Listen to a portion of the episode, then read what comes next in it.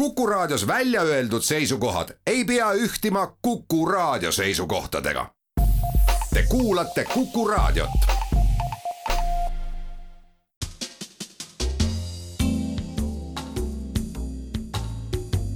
tarkade klubi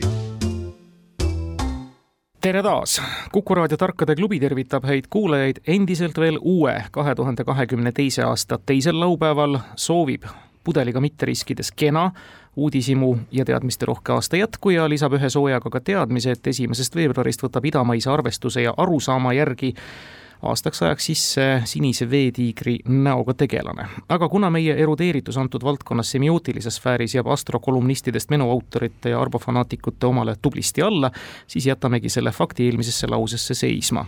võib-olla ka teadmise, et esimene leedukeelne raamat tähistab täna oma neljasaja seitsmekümne viiendat sünnipäeva, mis küll erinevalt eelmisest teadmisest on faktipõhine teadmine, nagu ka see, et täna sada aastat tagasi krooniti Harjumaa iluuisutamise meistriteks soomlastest abielupaar Jakobsonid, kes muide tol aastal ka olümpiamängudel osalesid.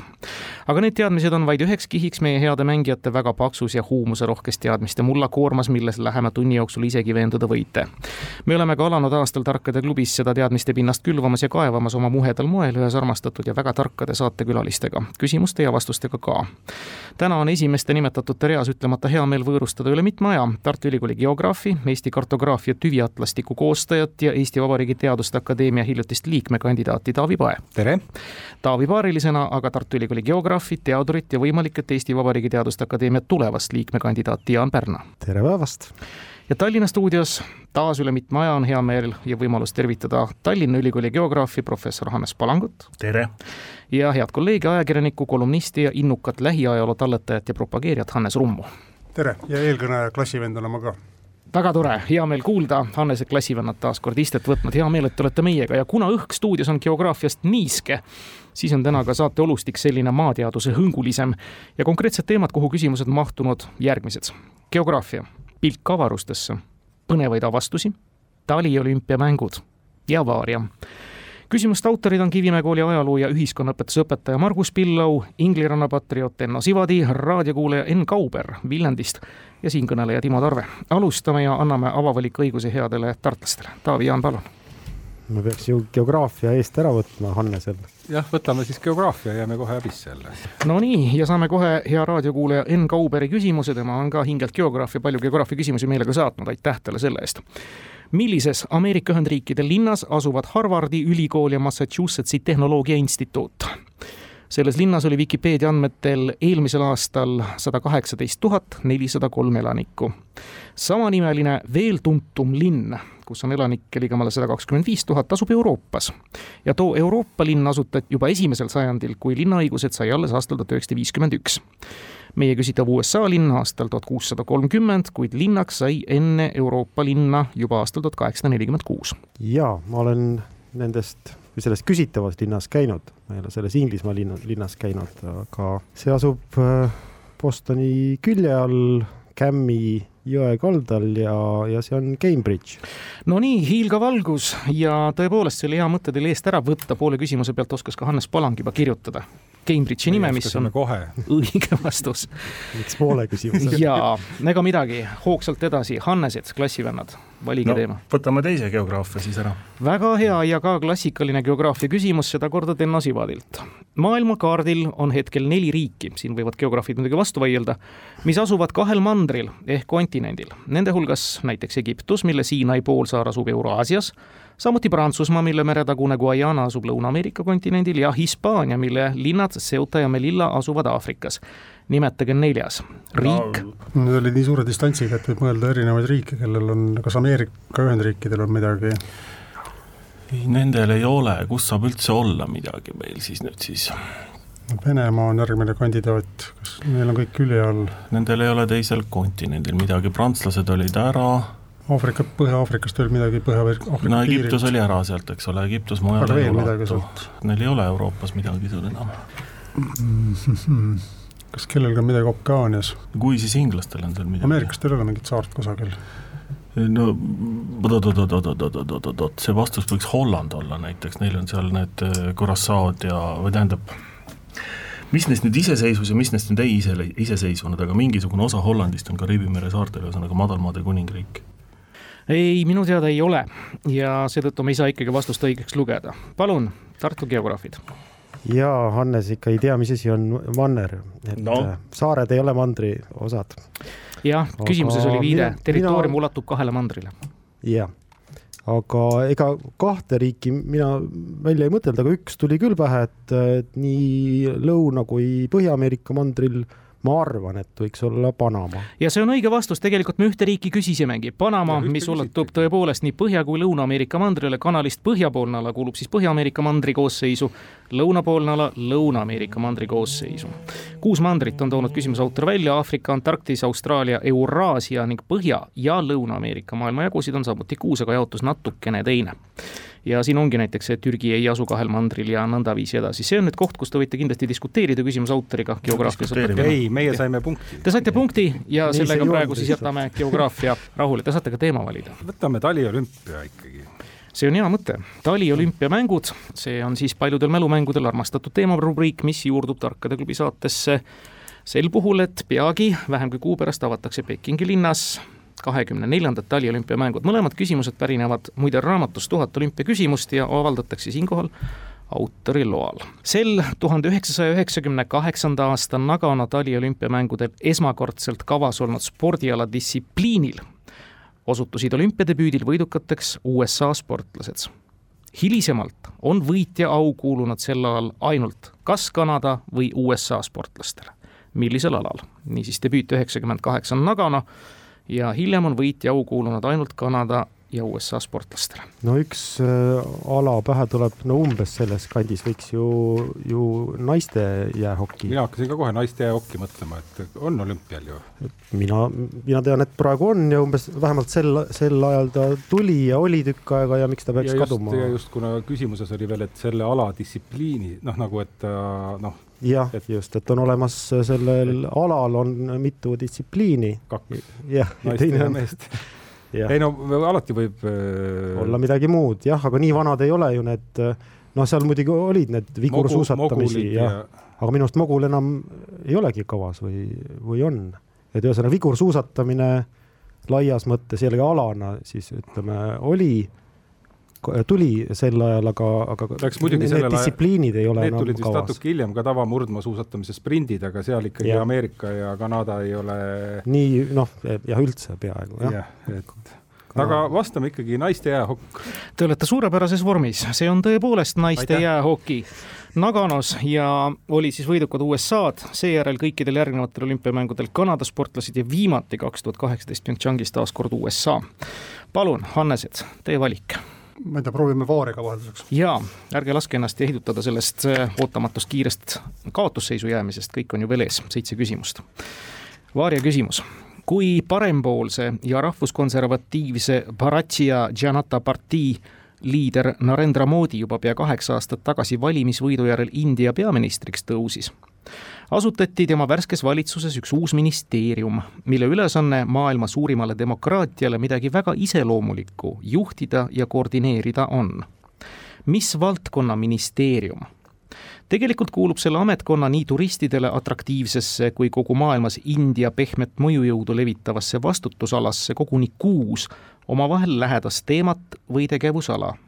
kui vähemalt ühegi nendest nimetate, saate punkti esimene minister vastavas ametis oli Sharipad Naik koguni seitse aastat, möödunud suvest täidab seda kohta Sarabananda Sonoval, nii et teie teadmised India täitevvõimust. esimesena meenus mulle, et kui Narendra Modi valimised võitis, lubas ta oma siis koduriigis läbi viia tualetirevolutsiooni, kuna Indias tervislik olukord on kehv selle tõttu, et inimesed ei kasuta meie mõistes ka mitte kuivkäimleid aga selle lubaduse on ta jätnud paraku täitmata ja rahva tervist ei ole tal õnnestunud parandada. aga mis võiks siis olla selline ministeerium, mis juhib ja koordineerib turistidele olulisi teemasid, et äh, ja mis on ka Indiale väga iseloomulik.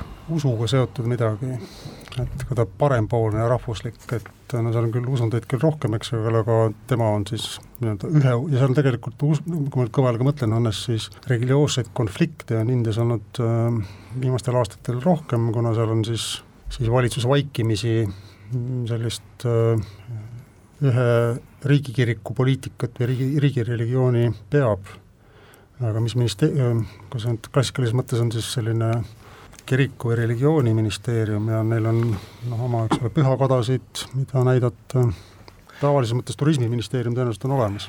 seda küll.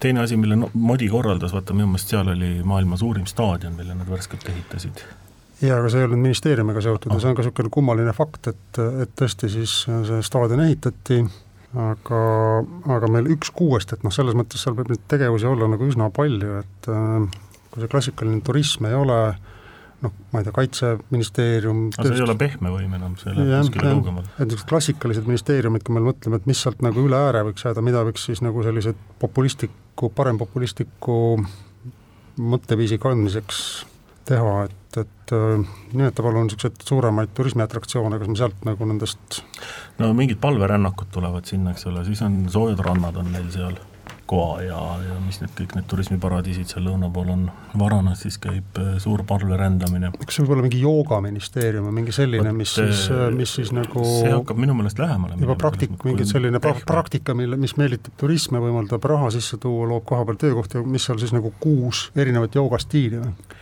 Ei, tähendab, jooga võib olla üks nendest kuuest, et sellele lisaks mingisugused asjad sealt turistidele oluline ja India pehme võim oli need kaks asja, mis siit nagu ja samas, eks ole, sa saad ka joogakultuuri väljaspoole importida, mis on ja. neile niikuinii omane jääme selle juurde. suurepärane, saate silma pähe, jooga tõepoolest on üks kuuest. see on kokku siis Ayushi ministeerium kokku pandud esitähtedest Ayurveda, jooga, Unani, Sida, Sovarigba, homöopaatia Unaanisida ja Sovarigba on siis India eri piirkondade rahvameditsiini praktikad. aga mõte oli õige ja liikus õiges suunas, nii et seesugune ministeerium on Indias tõesti olemas.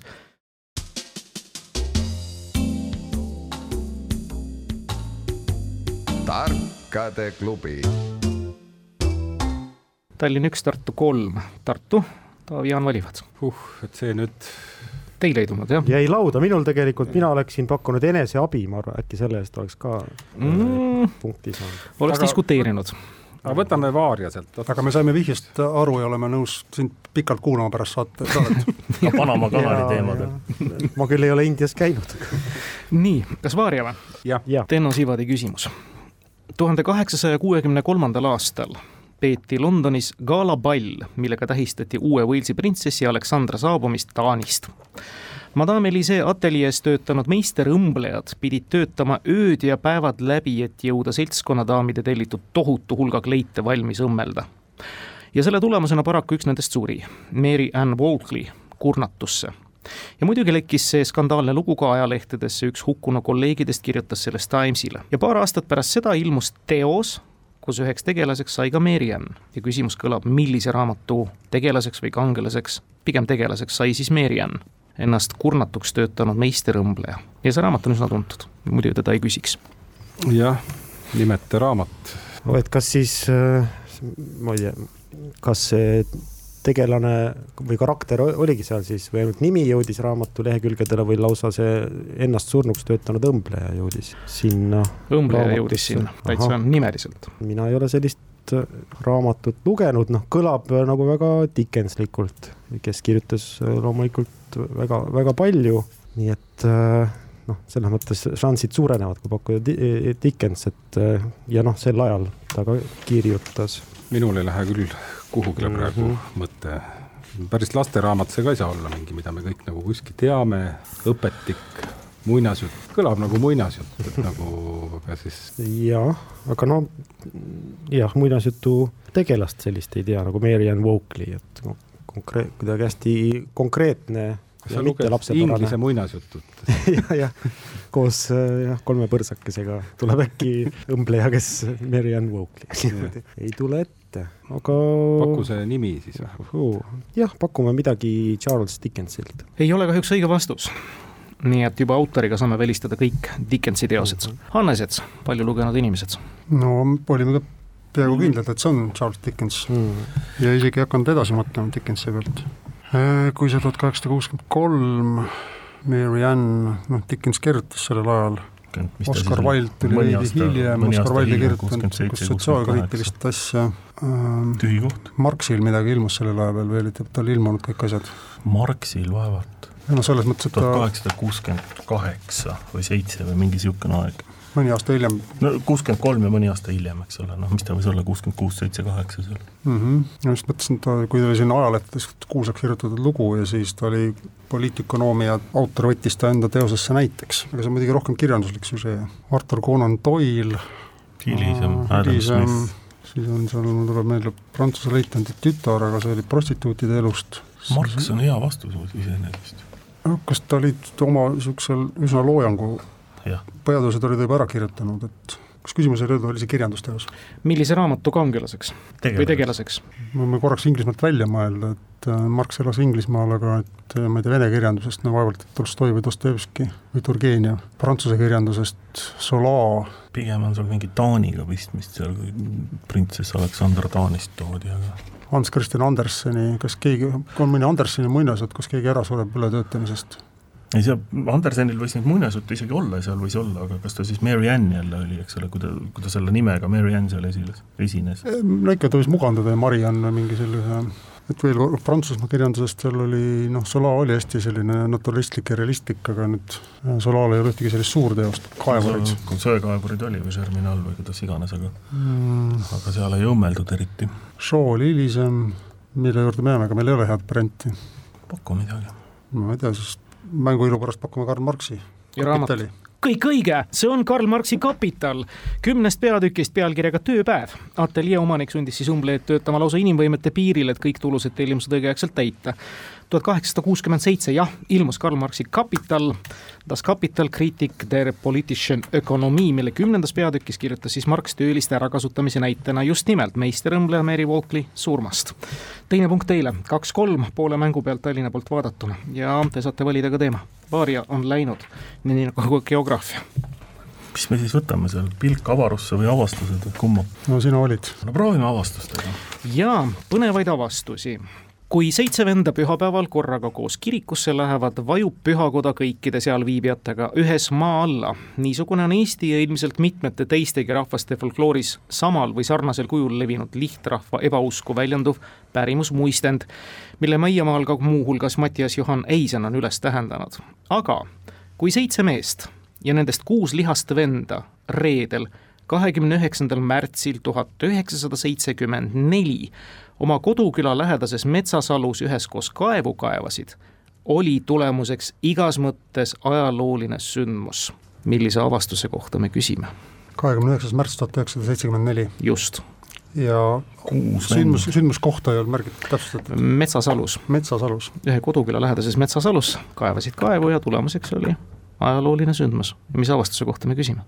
no see võib olla mingi koobas, mis ähm, need kas see oli, oota, need Laskood ja need avastati varem või? arvaks küll, et see pigem, see seitse meest, see lõhnab nagu rohkem sellise Kesk- või Lõuna-Ameerika järgi või Aasia järgi. seitse meest, nendest kuus olid lihased vennad? No lihtsalt perekonna struktuur on selline, et, et see viitaks nagu sellisele ühiskonnale, kus on väga palju ma tahaks, ma tahaks öelda, et need Xiani, need terrakota sõdalased, aga vot ma ei ole kindel, kui palju seal metsa on. metsasalu küll jah, selles mõttes ajastu vist ole, on enam-vähem õige. jah, et nad Hiinas suhnisid selle, selle koopa üles, kus need terrakota sõdalased mõtleme korra veel igaks juhuks, vastus hea, aga variant hea, aga mis võiks olla veel maailmast, ütleme nagu, no Egiptuses vaadatud püramiide, eks ole, on kõrbes, Euroopa, ma arvan, ikkagi on suhteliselt paremini ja varem läbi otsitud ja seitset vend, kuute venda Euroopas ikka ühes perekonnas on väga raske ette kujutada mm,. siis äh, kas mõni mingisugune ka-, äh, džunglilinn mingi... millega nad kaevasid, labidaga või mingi riistaga? siin pole öeldud, aga kaevu nad kaevasid. ma ei tea, mis riistadega seda tehakse. ei no vaata, kui sa labidaga kaevad, siis ilmselt no, eurooplased seitsmekümne neljandal aastal labidaga enam vist väga ei kaevanud. suured olulised ajaloolised koopad vist on selleks ajaks avastatud. jah, võiks olla küll, jah ma ei tea, võtame selle esimene pakkumine on alati hea Need pakkumine. äh, terrakotad. ja see esimene pakkumine on taas õige, suurepärane vorm ja te võtsitegi ennast null kolm kaotusseisust tagasi viigi peale. terrakota sõdalaste avastamine Hiinas Shanxi provintsis. Jaan ja Taavi, teie kord pärast kuuendat küsimust. no võtame pilk avarusse ka. ja pilk avarustesse kahekümne viiendal detsembril esimesel jõulupühal, kui meie eelmine topeltpikkusega mäng esimest korda eetris oli, leidis täpselt samal ajal muide Prantsuse Guajanas märkimisväärne ajalooline sündmus aset. startis kanderakett Ariane viis, mis ette nähtud orbiidile viis uue põlvkonna kosmoseteleskoobi NASA omaaegse teeneka peadirektori James Webbi auks nimetatu ja meiegi Tarkade klubi liige Marek Strandberg vahendas seda kõike otse Eesti avalikkusele ja kuna me olime saatega vastavalt harivalt ülekandelt rahva tähelepanu kindlasti mingil määral kõrvale tõmmanud, siis olgu nüüd asjasse puutuv teema antud mängus kompensatsiooniks esimene küsimus, millisest materjalist kaheksateistkümnest heksagonist koosnev kahekümne korda neljateist meetri suuruse heksagrammi kujuga veebiteleskoobi peegel valmistatud on? pealt kullakõrva, aga põhiline aine, mida me tahame teada, on üks lausa omaette keemiline element. metall, kerge ja tugev, samas habras. nimetus on teatud silikaatsest mineraalist tuletatud, eks ikka sellest, millest meie küsimuse objekti kätte saadakse, millest on tehtud Webi teleskoobi peegel. no üks silikaatne, silikaatne ehk räni, kvarts on kõige levinum silikaatne mineraal, aga sellist elementi nagu ei tea. mis on veel silikaatsed mineraalid? minul on ikkagi, jäi see tabel õppimata jaa, kerge, aga kõva metall oi, oi, oi jah, kust äh, ega, ega seal metalle on ju ikkagi palju ja need, äh, need, mida me peamiselt äh, õppisime, need on seal ülemises otsas ja nad on nagu pehmemad, seal liitium ja. aga no ta võib ju pehmem ka olla, ega ta siis. ei, vist on öeldud, et kõva. ja kerge ja tugev, samas habras. või tugev, nojah, habras, see tähendab ikka, et on kõva. Aga millest, kas me kuskilt võime veel, ma ei tea, kas titaanist või mis asi, tehakse midagi, mis on no, kerge ja kõva, aga mm -hmm. läheb katki kergesti? võib teha, jah, kuigi oota, titaan on see, millest ju neid äh, implantaate tehakse inimese kehas, et need äh, oleks ikka väga halb, kui inimese sees katki läheks. Äh. no luud ju lähevad inimestele katki miks ei või siis kirurgiline see implantaat katki minna, aga ma selle põhjal mõtlen, et, et see ei ole see. no mis peaks olema ju met-, metall veel, hästi peegeldav ehk, ehk siis nagu hästi, hästi läikiv. ma ei tea, kas äh, seleen on näiteks metall, aga noh, see tuleb kuust, see nimi. ohoo, neid on jah, nagu, nagu rohkem. noh, kasvõi strontsium ja, ja nii edasi. nii et tegelikult aus ja õige vastus on, et ei tea ma millegipärast no. loodan, et Tallinn ka piinleb seda kuigi mine sa tea muidugi. piinleb, piinleb. läbi kõik Strandbergi. Strandbergi ei ole siis. ei no ta on lugenud läbi kõik Strandbergi reportaažid seal. ma ei tea, kas ma siis nimetan veel mingeid metalle, mida ma, mida ma tean noh, sest et kõiki plaatina ja, ja on metall ja neid on, neid on nagu palju. nojah, aga vist küsimus ei ole, et et Jaan Pärn, nimeta kõik metallid no aga ma pakun siis ühe ära, et ja. Äh, pakun strontsium.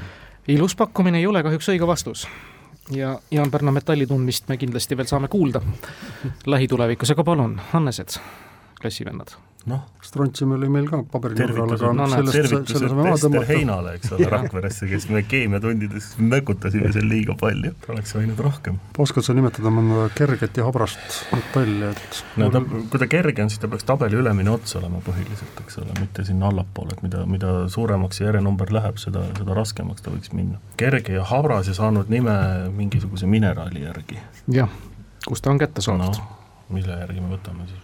Mm, üks selline metall, mis mulle meenus, on Wolfram, aga see minu meelest tuleneb sellest, et oli seal mingisugune no hund, hundilugu või midagi sellist. küll, suur osa on mingid linnade ja, ja riikide ja niisuguse asja nimega, millest baarium oma nime sai.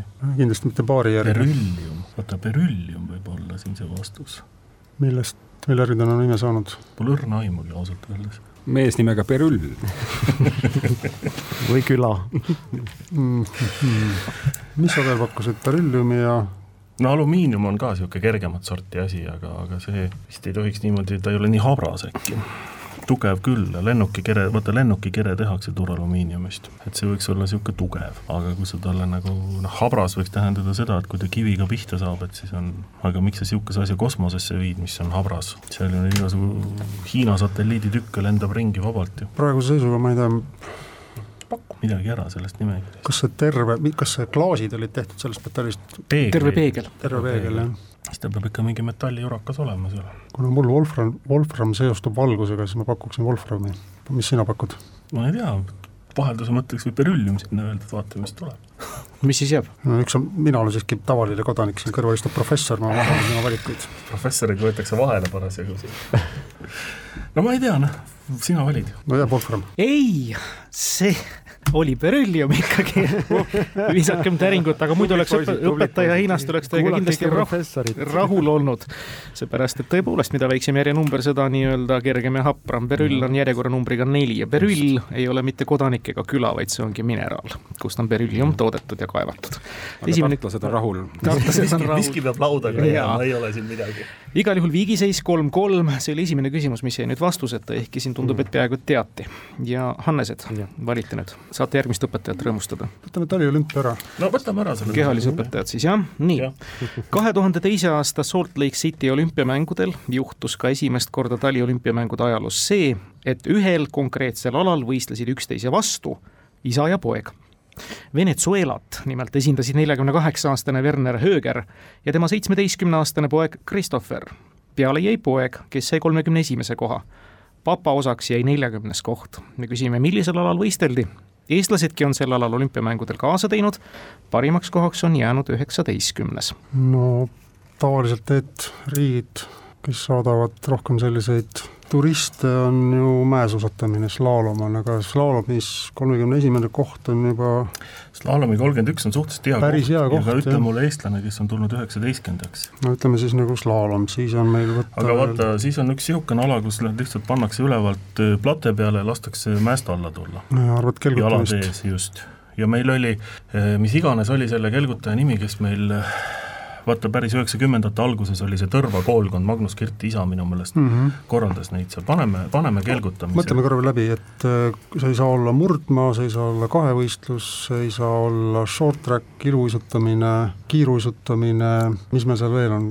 kui sul on vigur, viiekümne-aastane isa siis see iseseisvalt ei liigu väga kiiresti, et tal peab mingisugused variant on veel ka, hobi on kahene, eks ole. aga kui nad said, üks sai kolmekümne esimese, teine neljakümnenda kontroll, kontroll küsimus ja siis on, siis on meil veel skeleton, skeletoni siis vist ei olnud veel, skeleton tuli hiljem.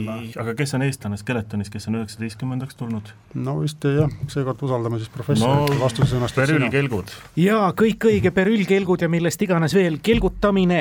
Werner Hööger osales ka neli aastat hiljem muide Torino mm, olümpiamängudel, saades seal kolmekümne teise koha Helen Novikov, tänase nimega Tammsalu, on siis ainsa Eesti naiskelgutajana osalenud taliolümpiamängudel Lillehammeris, sai ta üheksateistkümnenda koha neli aastat hiljem Naganos, oli kahekümnes. professori vastus viib Tallinna juhtima.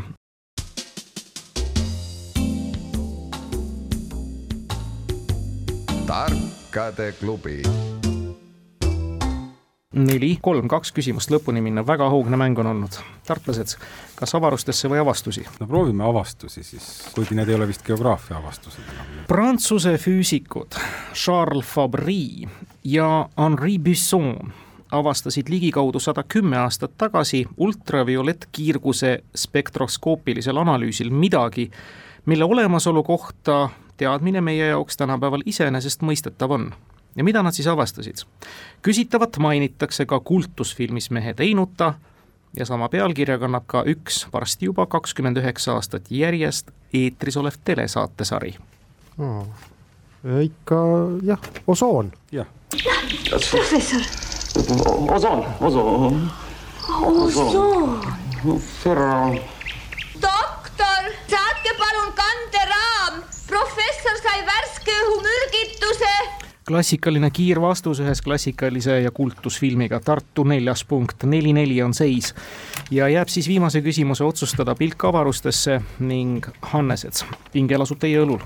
Webbi teleskoop niisiis alles hakkab oma ajaloolist missiooni täitma, senine ainuke Hubble'i oma on seda juba pea kolmkümmend kaks aastat teinud mõjuka USA astronoomi ja kosmoloogi Edwin Hubble'i auks asutatud ja kutsutud vaatlusriista.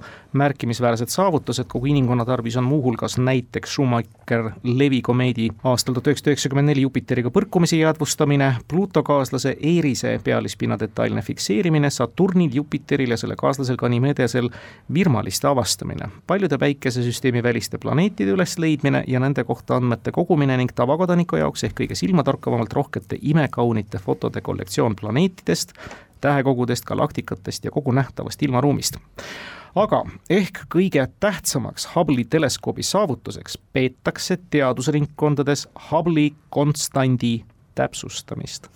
mida Hubble'i konstant kui näitaja väljendab, kõlab see küsimus no Tambovi konstandiga on meil nagu vist rohkem pistmist, mulle tundub. sellest ei tea saatejuht midagi, aga ta ongi rumal, kuulab teid mm,. jah, et äh, konstant peaks siis olema ju nagu midagi püsivat, et mis no. saab püsivat olla, mingit äh, on pikka aega midagi teinud ja siis selle, selle tegevuse käigus on õpitud midagi täpsustama, mingeid asju, mingi asja püsivust. see on nüüd mingisugune füüsikaline suurus, mida selle teleskoobiga sealt saab uurida või vaadata või, või mis sealt kosmosest paistab paremini kui maa pealt noh, see on jah, iseenesest see, eks ole, et sul maa, paigutatakse see, ka see uus veebijaama paigutatakse ju sellisesse kohta, kus on nagu võimalikult äh, vähe muud valgusreostust ja saab võimalikult seal ei pruugi ka valgus olla, seal võib olla näiteks maa gravitatsioon, mis teda segab, seal võivad olla igasugused atmosfääri nähtused, eks ole, noh, valgus valguseks, aga, aga atmosfäärist see segab igasugu muid asju ka veel. aga siiski, kas see võib olla mingisugune, et võime, midagi täpsustada või et midagi, mis nagu kordub kogu aeg, et äh,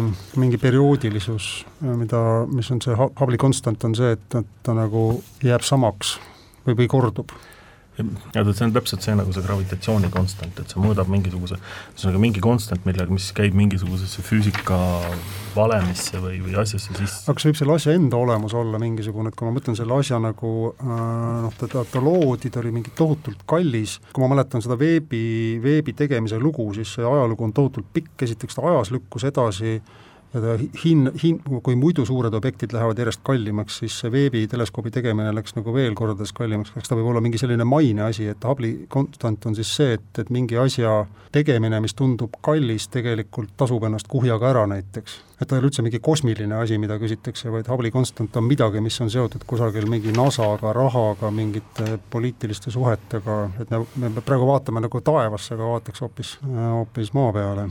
väga kahtlane. no aga, aga mul ei ole ka mitte midagi tarka siia lisada, ma ei, füüsikat ma ei jaga. no selles ma mõtlen praegu, et mis, mis see Hubble'i konstant võib olla, et kui nad selle tegid äh,, siis äh,, siis ta oli tohutult kallis äh,, sellel noh, või, või siis see, et mingi iga asi aegub, eks ole, et ta on ka mitte, mitte nüüd nagu, ta on lihtsalt füüsiliselt ära väsinud ja ka moraalselt vananenud, see Hubble'i konstant võib olla midagi, et noh, ka kõige parem asi maailmas või kõige kallim asi maailmas kaotab ajapikku oma väärtuse või midagi sellist, aga no see on kõige olulisem teema.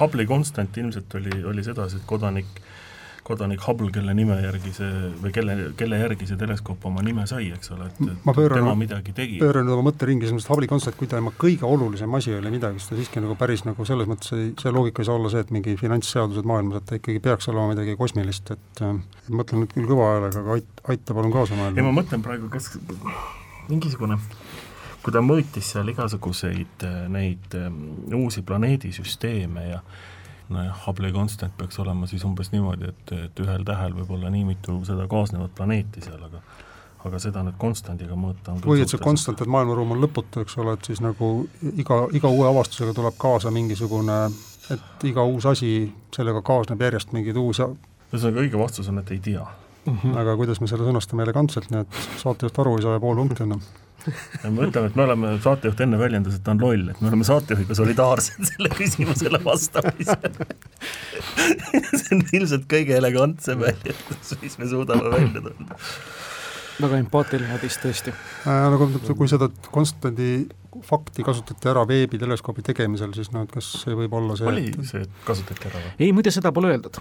ei no loogiliselt võiks eeldada, et kui nad tegid uue, sama maailma kõige kallima teadussaavutuse, siis ei, mina lähen saatejuhiga samasse klubisse ja jätan su siia vastama praegu. Mm, ma siis midagi proovin kokku luuletada, et, äh, et Hubble'i konstant on see, et iga uue kosmilise objekti avastamine viib edasi mitme järgmise uue samas suunas toimuva avastuse, avastuseni.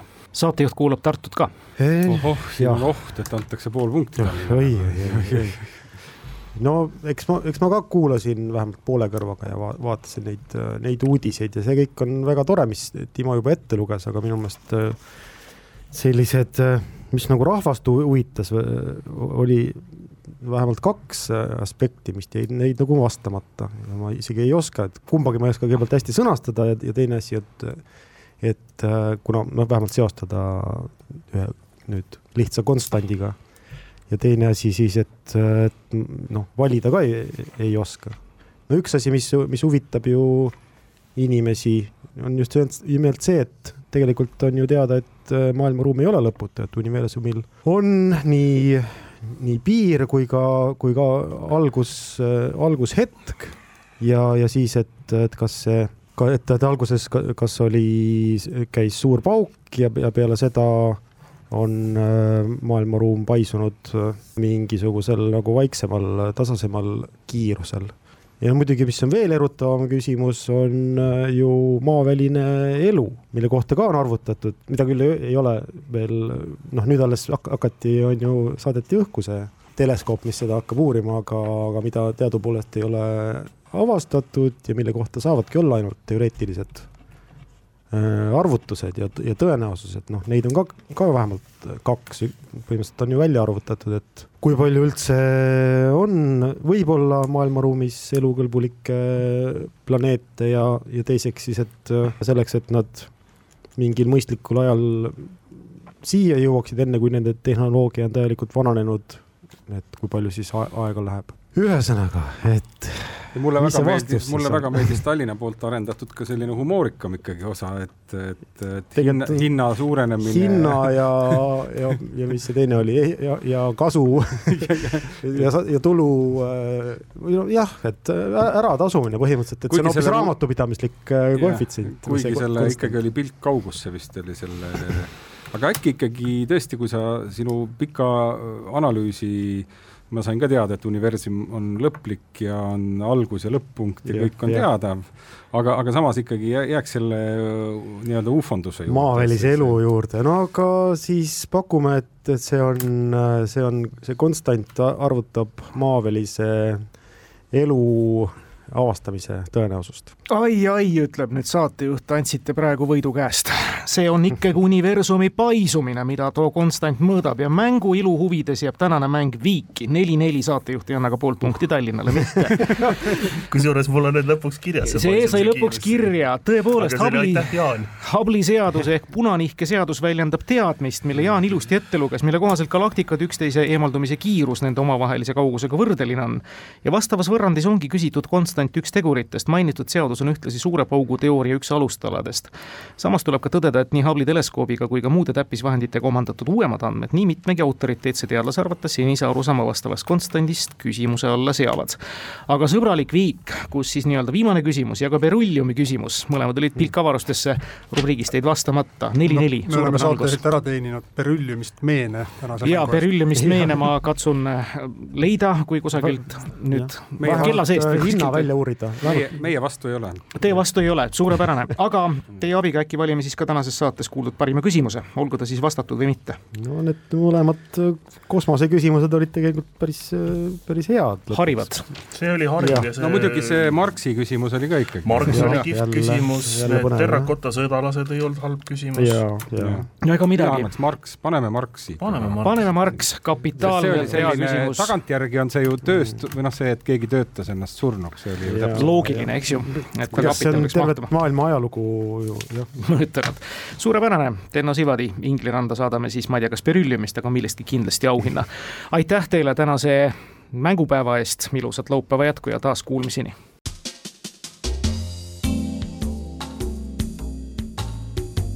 tarkade klubi